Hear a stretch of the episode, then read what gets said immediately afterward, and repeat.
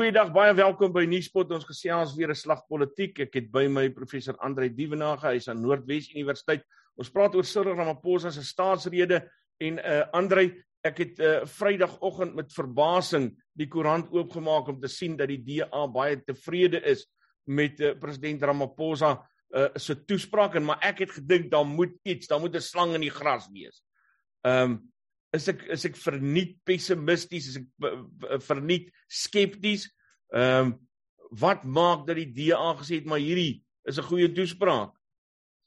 Isak, ek wil begin by my eie ontleding van wat ek verwag het met die toespraak. En wat ek daar verwag het was die gewone retoriek van die ANC sonder veel inhoud.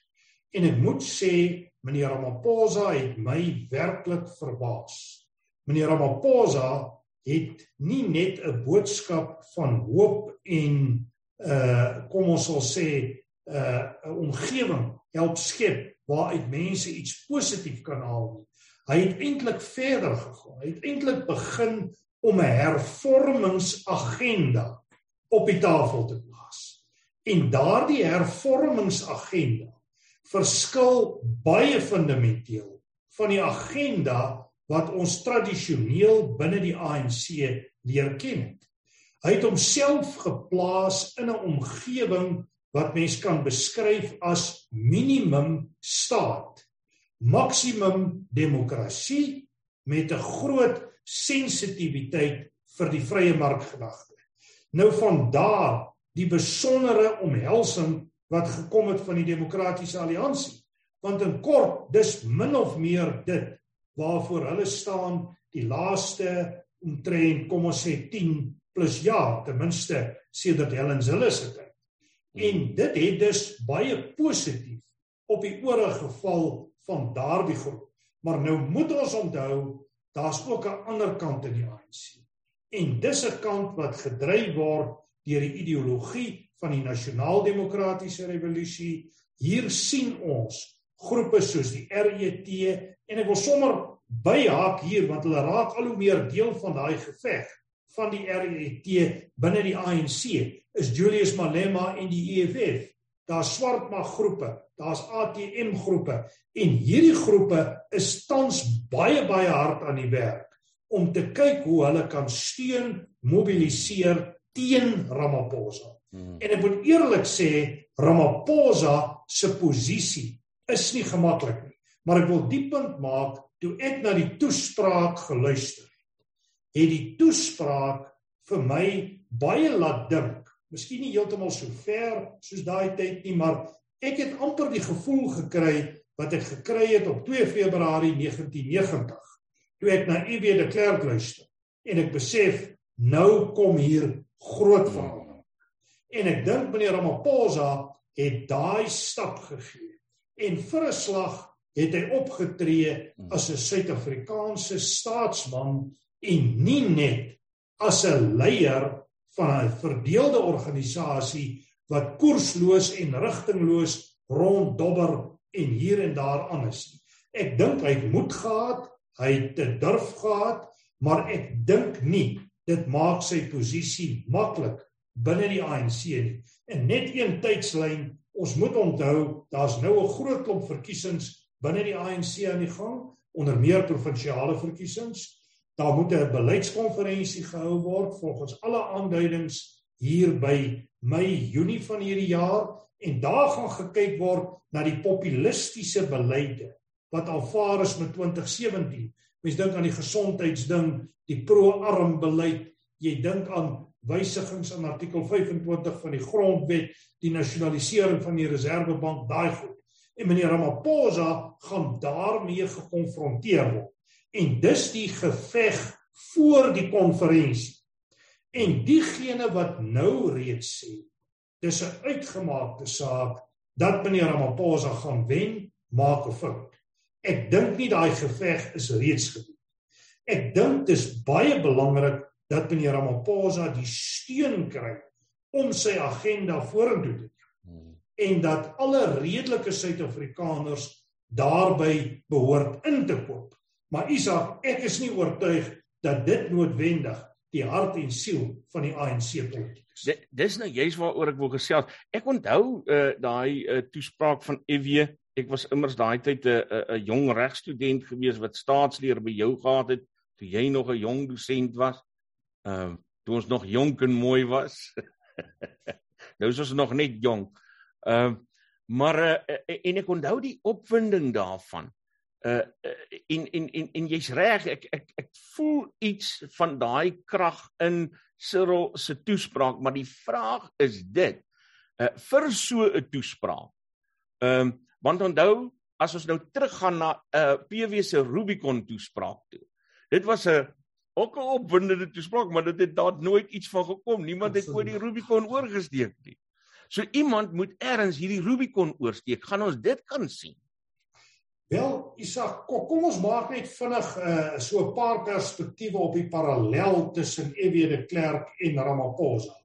EW het beheer op die nasionale party gehad. Daar was ongelukkigheid en ongemaklikheid en faksies en standpunte, maar breedweg het hy beheer gehad. Die KP was reeds buitekant. En in daai sin het hy hulle gewen by verkiesings en was sy posisie relatief stabiel. Cyril het nog nie die geveg binne die ANC finaal gewen nie. Daarom is die gesegde van my ou groot vriend en huidige politikus, ek sal maar sy naam uithou want dit mag sensitief wees hier. Hy het altyd vir my gesê jou opponente sit oorkant jou en jou vyande sit agter jou in die banke van die parlement. Nou ja, die parlement het reeds afgebrand, maar ek dink die beginsel geld min of meer so in kort Cyril se vyande agter kan hierdie proses in rigting stuur. En ek dink nie ons moet onderskat watter dinamikas daar werk binne die ANC. Maar kom ons sê vir mekaar normatief in belang van die grondwetlike staat, in belang van ekonomiese groei, in belang van langtermyn stabiliteit, in belang van goeie verhoudinge is die Ramaphosa lyn van politieke hervorming ongetwyfeld die lyn om te loop. En ek dink hy verdien die steun en ek dink hy het met bepaalde daadkrag opgetree. In die ANC raai mense hoe lê steun en wie posisioneer wat en waar. Wat my voorgekom het is wel dat meneer Ramaphosa met bepaalde vertroue en selfvertroue gepraat het. Maar ek moet dit weer beklemtoon, die slagordes is opgestel. Ek het net weer oor die naweek tyding gekry van hoe Zweli Mkhize steun mobiliseer in KwaZulu-Natal. Supra Mohopelo wat op die oomblik aspireer vir die posisie van sekretaris-generaal. Ons ken die standpunte van Lindiwe Sisulu oor die grondwet en wat daarmee saamgaan daar's 'n radikale groep binne die ANC, 'n groep met groot verwagtinge en meneer Ramaphosa sal sy voetwerk bittergoed moet regkry. Hy sal ongetwyfeld die werk van Machiavelli, The Prince moet gaan lees en hy sal ook moet gaan kyk na Samuel Huntington se Political Order in Changing Societies en uit daai omgewing bepaalde lesse en perspektiewe kry want ek dink hy gaan dit nodig hê. Andre, ek dink die groot vraag wat hier uitkom is uh, gesien in die lig van uh, die prentjie wat jy nou geskets het en en ons kennis van die verdeeldheid binne die ANC, uh daai faksies uh wat so teenoor mekaar staan. Waar kom hierdie durf vandaan om uh, om 'n toespraak soos die te hou? Wel, uh, dit is 'n goeie vraag en ek het ook daaroor gedink, Isak. My een tese waarmee ek werk is dat hy genoegsame steun en beweegruimte het binne die ANC om veilig te voel om daai bewegings te maak. Dis een tese. Die ander een is dat hy besef die situasie in die land is tans so ernstig dat hy moet skuwe maak. Hy's onder geweldige druk om 'n klomp goed reg te kry. Kortom, die land is eintlik besig om maar sistematies uitmekaar te val en ook in vlamme op te gaan. So jy bereik 'n punt waar enige skuif beter is as geen skuif. Hmm. Nou ek dink dis 'n kombinasie van hierdie twee en dan wil ek aan derdens ook krediet gee aan meneer Ramaphosa. Hy het 'n bepaalde konsekwentheid wat hy nakom in terme van sy ekonomiese benadering tot dinge. Maar soos ons altyd vir mekaar sê, praat is maklik, sy toesprake is meestal goed, die sukses gaan lê in die uitvoering daarvan en dit is die groot toets. My my skeptisisme daaroor uh, uh, uh, gaan net uh, juis oor, oor oor dat 'n ou wonder ehm uh, want die ANC is soos wat mense nou die ANC oor die jare leer ken het, niks skiet sommer uit in die in die ANC nie. Uh, alles bly so onder 'n kombers tot daai oomblik wat wat wat wat iemand nou iets wil bereik. So so hierdie is 'n uitskiet oomblik wat vir my moet wat vir my sê aan die een kant daar moet iemand wees. Daar moet genoeg steun wees uh, op die oomblik wat wat vir hom uh, die moed gegee het om om ek bedoel iets soos privatisering uh die privaat sektor uh by te trek wat uh teen die grein ingaan van uh, van uh, die uh, 2017 leierskap uh, konferensie en dit wat die EFF wil hê. Ja, Isak, jy is absoluut 100% reg. Die vraag is hoekom het hy daardie betrokke besluit geneem?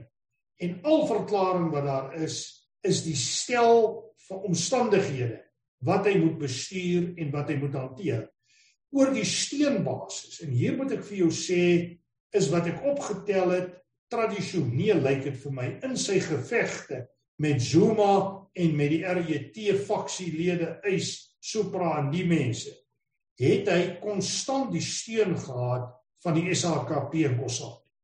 En vir my is die kritieke vraag waar lê die SHKP en Kossat in hierdie verband? En van die klanke wat ek optel, is dat hulle redelik ongemaklik voel met die toespraak. En ek moet sê as meneer Ramaphosa die steun van Kossatu en die SAKP gaan volg, dan gaan hy ernstig verswak in die konferensie in. Ons moet onthou hierdie rolspelers is groot rolspelers. En as jy net 'n bietjie breër kyk, wie het nou al almal wegbeweeg? van meneer Ramaphosa. Dis Lindiwe Sisulu wat heeltemal weggesy was op 'n stadium 'n jong president gewees. Uh, as 'n kandidaat lys in die opbou na 2017. Bekkie uh Cele is op pad, lyk dit vir my as die gerugte waar is om uitgeskuif te word. Hy het bepaalde invloed in KwaZulu-Natal. Zweli Mkhize staan buitekant. En dan is daar ook boodskappe dat ehm uh, uh, Paul Mashatile en David Mabuza 'n groep vorm op hulle eie en ook een kan posisioneer en staan. Nou baie van hierdie goed kan bloot posisionerings wees en dat hulle uiteindelik op 'n manier ingelid kom. Maar ek kan nie dink meneer Ramaphosa se posisie is gemaklik. Mm.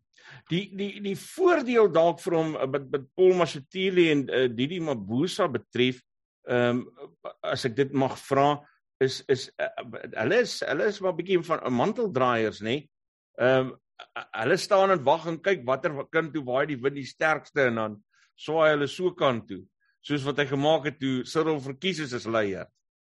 Ja, maar dis juist dit wat hulle so ontsettend gevaarlik maak. Kyk, jy's heeltemal reg. Hierdie Mabuza het eintlik vir Cyril Ramaphosa die prys op die skoumbord gegee met daai 200 stemme ek dink nie dit het kosteloos gekom nie mm. soos daar ook navraag is oor die CR17 befondsing maar feit bly bestaan jy is reg en in die in die jagtersomgewing praat hulle van die dikkie bird syndroom daar sit 'n klomp voëls in 'n boom een vlieg weg en gaan sit op 'n ander plek 'n tweede een 'n derde een en op 'n stadium bereik dit 'n kantelpunt en die hele swerm skuif na die volgende punt toe nou dis ook min of meer hoe dit in die ANC gaan. En dis hoekom ek sê hierdie geveg is nog nie gewen of verloor. Hier is baie manteldraers en ek dink nie hier's te veel op die spel vir die Zuma groep vir eis vir Supra om net hier bes te gee sonder 'n geveg. Nou ons het nie die bewyse maar is baie duidelik in die ondersoek wat gekom het oor die uh, Julie geweld verlede jaar. Dit kom van binne die ANC. Dit was gemobiliseer en geïnstigeer deur KwaZulu-Natal ANC-lede. Die fokuspunt was Ramaphosa en die persoon wat ondersteun is is Jacob Zuma en 'n paar ander. Nou dit kom my voor en dis 'n dis 'n aanname wat ek hier maak dat hierdie geweld wat ons so van tyd tot tyd sien. Geboue wat brand, die parlement, die eh, waterkloof lugmagbasis. Hier is ongetwyfeld elemente van sabotasie by betrokke. En ons sien dit ook by Eskom, ons sien dit by Transnet en talle ander plekke. En hier is 'n groepering wat politieke munt hieruit probeer slaap. Nou daai koneksie het ons nog nie gemaak nie. Maar om dit net af te maak as 'n derde mag en vandalisme is nie goed genoeg nie. Hierdie mag lê binne die ANC. En is baie interessant dat meneer Ramaphosa ook en dis my terme praat van duistere magte wat die demokrasie bedreig en uiteindelik 'n vinger gewys na sy eie organisasie. En as jy mooi na die sona gaan kyk, dan gaan jy vind hy het eintlik krities gereflekteer op sy party. En dis wat EW de Klerk ook gedoen het in sy 1990 toespraak en 'n aantal toesprake wat 1990 vooraf gegaan het. Die groot vraag hier Isak is, gaan meneer Ramaphosa die moed hê om regtig oor die Rubicon te gaan? En nou moet mens vra vra wat moet hy doen om oor die Rubicon te gaan? Vir F.W. de Klerk was dit die beëindiging van apartheid. Die beëindiging van die bevolkingsregistrasiewet, groepsgebiede wet, klein apartheid, groot apartheid en wat daarmee saamgaan. Vir meneer Ramaphosa lê dit aan die wortel van transformasie en swart bemagtiging. En ek dink nie hy's gereed om daardie brug te slaan Ek lees hom nie as iemand wat heeltemal die moed van sy oortuiging het om daai sprong te maak nie. En as hy hom gaan maak, glo ek nie hy gaan hom maak voordat hy die grond onder sy voete het na die nasionale konferensie van einde van die jaar nie. Ander ek dink mense met die vraag dan vra ehm um, as dit so gewaagde toespraak is ehm um, en uh, al hierdie teenkanting is daar's nog aktiewe teenkanting uh teen die president. Uh sal Cyril sy staatsrede kan oorleef? Wel kyk kom kom ons sê vir mekaar in 'n breë Afrika konteks. Het die sittende president, die Engelse term is incumbent, het altyd 'n voordeel. En ek dink meneer Ramaphosa is op die oomblik besig om sy posisie ten minste in sekere omgewings te konsolideer. Baie gaan afhang van hoe hy skuwe gaan aanbring aan die sekuriteitskluster. Want die sekuriteitskluster is die mees sensitiewe een. Want onthou ons betree op die oomblik 'n era wat ek nou maar noem praetoriaanse politiek waar veiligheidsinstellings en as jy mooi in my klas geluister het baie jare gelede het ek daai terme ook gebruik ons het gepraat van die invloed van die militêr op die terrein van die politiek en die rol wat PW Botha gespeel het en later hoe EW de Klerk dit gehanteer het en so weer. Baie gaan afhang hoe hy die sekuriteitskluster gaan hanteer. Onthou EW het 'n nag van die generaals gehad. Hmm. En dit sal interessant wees om te sien hoe Cyril gaan werk met mense soos Bekkie Cele, soos die kommissaris van polisie Kegla Sitole en 'n paar ander. En dan moet ons onthou op die agtergrond is daar ook die Alfred Frasers en daar steeds mense met baie sterk Zuma lojaliteite binne die nasionale vervolgingsgesag. So hoe Ramaphosa hierdie proses bestuur is mees krities. Dan tweedens, het hy die steun op die takvlak om regtig 'n verskil te maak. As jy nou moet vat en dis altyd die parallel wat ek trek en dis hier waar ek verskil met sommige van my kollegas. Ek reken dat Ramaphosa se posisie op die oomblik swakker is as wat Thabo Mbeki se posisie was voor die Polokwane konferensie. En tog het hulle hom gelig by daai konferensie. En dis hoekom die boodskap vir Cyril is hy moet oop oë slaap. Hy moet die heeltyd strategies takties beplan. Hy moet waarskynlik die beste breinkrag en die beste denke inspann om hom te help op hierdie pad. Dis nie net in sy belang of selfs in die ANC se belang nie, dis in nasionale belang. Mm -hmm. Maar wat nou duidelik is, is dat die ANC as 'n politieke struktuur ook sal moet hervorm en ek dink dit is 'n groot uitdaging vir Ramaphosa. Andre, as mense gesprekke oor Cyril Ramaphosa betrokke raak en oor die ANC, dan is dit baie maklik vir mense om emosioneel te raak en te sê ag nee wat hy's 'n ruggraatlose president wat regtig niks doen nie. Ehm um, en en die geleide uh, kom nou al 'n rukkie maar dit as asof dit in die laaste tyd al hoe sterker raak dat mense sê ag nee wat hy's maar net so groot swakkeling, maar net so groot skelm soos al die res. Wat is jou mening daaroor? Wel, ek was 2 jaar gelede reeds op rekord dat ek gesê het hier probleme vir meneer Ramaphosa kom. En daai probleme was daar gewees as die beleidskonferensie sou plaasvind. Maar in terme van die COVID omgewing en bepaalde besluite binne die ANC, het meneer Ramaphosa daai proses eintlik vrygestel. Maar dit lê hom nou voor in die volgende 8 tot 9 maande. Ek dink die styl wat meneer Ramaphosa volg, het baie te maak met die persepsies wat rondom hom bestaan. Ek dink hy hanteer 'n groot klomp goed agter die skerms en ek dink baie keer hanteer hy dit ook goed. Maar hy is nie bereid om te kommunikeer. Hy skep die beeld van 'n afwesige president. En nou ontwikkel hier talle krisisse. Die parlement brand en hier is 'n moeilikheid hier en dis die geweld van verlede jaar en meneer Ramaphosa styg nie uit in die omgewing nie. En dit is die probleem met hom. Ek dink as hy sy uh, kommunikasie operasies anders dan kan hy baie meer suksesvol wees. Maar ek vermoed daar's 'n rede hoekom hy dit nie doen. En dit is vrees vir openbare teenkante. Want onthou hy kry konstant teenkante waar hy optree. Hy het hier 'n tyd gelede moeilikheid gehad by 'n vroue liga Die krag is afgesit in Limpopo, so daar is pogings om hom te ondermyn en te saboteer.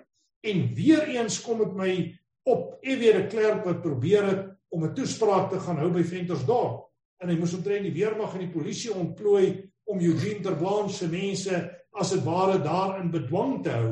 En dit is die politiek van hervorming waarmee ons te maak het. En ek dink meneer Ramaphosa het daai tree gegee. Ek dink nie daar's 'n omdraai op daai pad.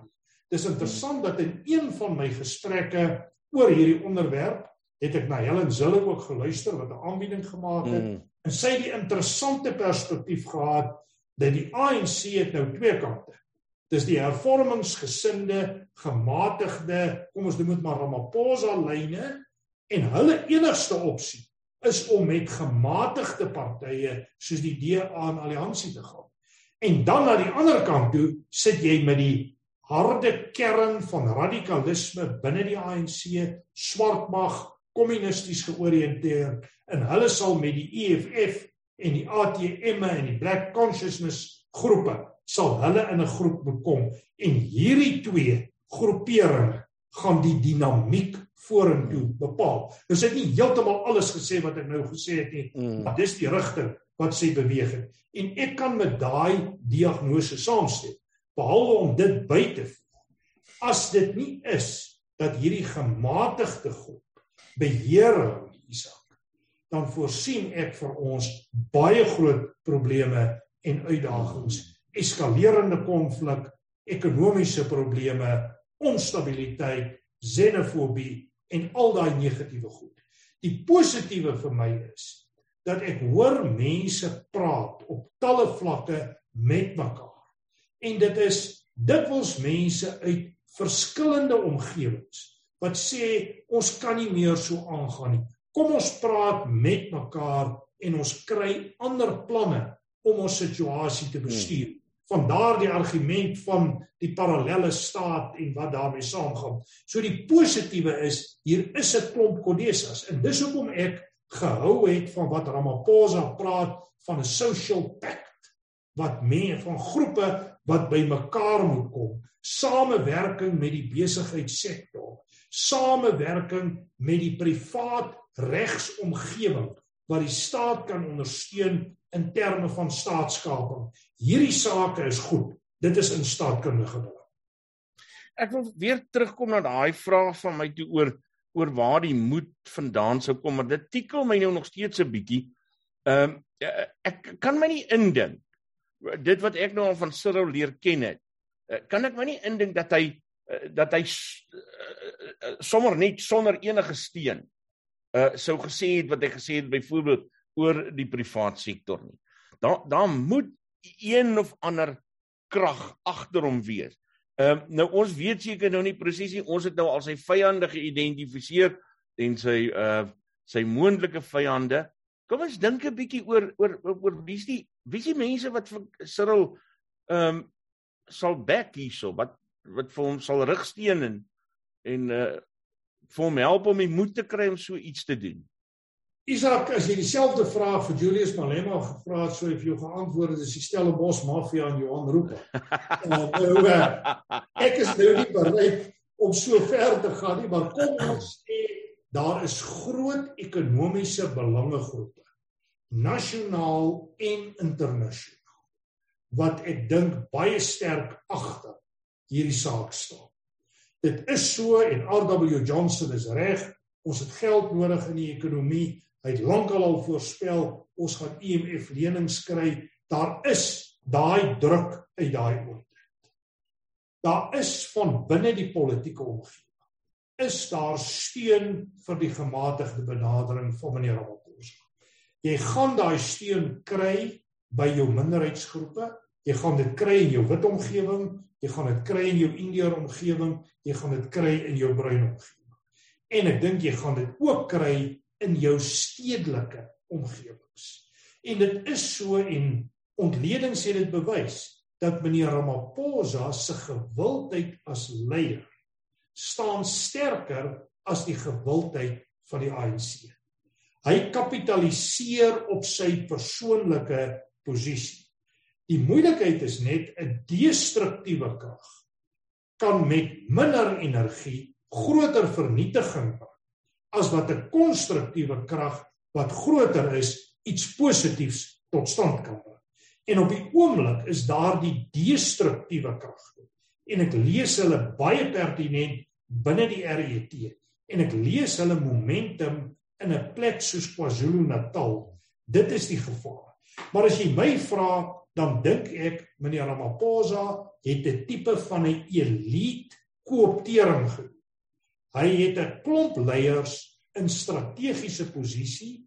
Enog Ngongwana is 'n baie belangrike skakel in die proses. Mense het die teenoorgestelde verwag. Ek het ook gedink hy's meer stalinisties, maar lyk my die samewerking wat tussen hulle twee bestaan is beter as die samewerking tussen Tito Mboweni en uh, Cyril Ramaphosa. So daar steun vanuit die ekonomiese kluster van die ANC hiervoor.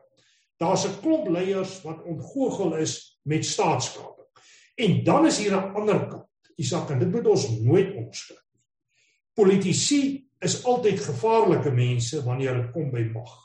En daar's 'n ongelooflike magsinstrument in die hande van meneer Ramaphosa. En dit is die verslag van die Sonderkommissie. Hier is letterlik mense by die naam genoem en dit plaas meneer Ramaphosa in 'n posisie hy moet nou hierdie hierdie verslag gaan toepas. So hy hmm. kan die reëls bepaal, hy en sy komitee oor hoe gaan hulle kyk. Hulle kan nie almal in die tronk sit nie. So hier gaan 'n capita selecta gedoen word, dan gaan gefokus word. Maar hy kan besluit op wie die fokus gaan val en wie hmm. nie. En ek dink hy gaan dit as 'n magsinstrument gebruik om die Dickie Bird syndroom so te gebruik om mense te forceer om in rigtings te vlieg wat hulle dalk andersins nie sou gedoen het nie. Ek lees dit as sy grootste bondgenoot in hierdie proses. Andre so uh, vir 'n laaste um, een van my gunsteling stories wat ek altyd van universiteit af vertel. Ek dink ek het dit al vir jou vertel toe ek eendag daar by Potch was by jou toe ek uh, toe ek jou in die oë kom kyk het vir 'n onderhoud. Ehm um, is toe ek in een van daai groot lokale waarin ons staatsleer by jou gekry het, het uh, het ons mos roulkol gehad. En uh, en ons was mos groot klasse gewees en toe het ons die roulkol gedoen. Ek het my naam neergeskryf, alles mooi ingevul en uh, toe trek ek my my klasdraf sak oor my kop en ek hardloop by die klas het. Ek weet nie of jy dit nou sal kan onthou nie. Daar's baie studente wat baie triks uittrek en dit het al op baie kampusse hierdie spesifieke ding gebeur. Maar ek hardloop toe uit die klas uit. Maar wat ek toe nou nie in ag geneem het in daai eerste jaar, daai domheid van my nie, is dat ehm uh, hierdie jong staatsleer dosent is al so klein bietjie slimmer as ek en hy vat toe weer rou. Isak, ja. Ek kan die geval, ek kan die geval onthou. Ek kan ook die saal onthou. Dit was 'n reuse saal waarin ons klas gehad het. Op daai tyd het ek vir staatsleer 1, ontwikkelingsadministrasie 1 en publieke administrasie 1 klas gegee. Dit was almal groot klasse geweest maar ek kan dit onthou. Mense het altyd so 'n paar insidente wat met jou klas gee gebeur. Ek wil nou net een ding sê oor daai presensielyste. Jy het baie keer gekry dat een ou se naam meer as een keer geskryf was daar. Maar sy vriende vir hom geteken het en dan jy outomaties hom deurgetrek. Maar wat goed gewerk het is ons het toetse geskryf. Jy sal dit onthou op 'n gereelde basis. Ja. Ja ja ja. 'n man vat wat onderpresteer het, dis die moeilikheid. Jy het jou klaslys hier en jy het sy punte daar, dan het hy nog nie veel van 'n argument gehad nie. Ek vermoed jy mag jou dalk in sulke omstandighede kon bevind het. Ek het inderdaad, maar die vraag wat ek nou aan jou wil vra is, nou het ek gewonder, dink jy ehm uh, dit dit gaan nie vir Cyril help om die om die sak oor die kop te trek nie. Nee, ons gaan hom uitvang as hy wil weggaan. Isak, daar is geen uitkomkans nie. There's no way to hide from Leon Ramaphosa. Maar ek dink hy het daai som gemaak en uh ek dink hy besef hy het nie 'n ander keuse nie. Ek hoop net dat hy het 'n plan om met die ANC die geveg na binne toe te wen. En ek dink daar bestaan in breë Suid-Afrika genoeg goeie wil om hom vorentoe te neem en dat hy daardie wil kan ontgin en kan ontsluit want op die oomblik is die land in krisis het ons hulp en leiding nodig en kort ons sterk leierskap en hopelik verbaas hy my soos hy my verbaas het met sy staatsrede 'n week gelede Professor Andre Dievenage baie dankie is altyd lekker om met jou te gesels Uh verskriklik dankie dat jy vir ons tyd gemaak het hier by Nuuspot. Isak, altyd 'n voorreg en sterkte daar.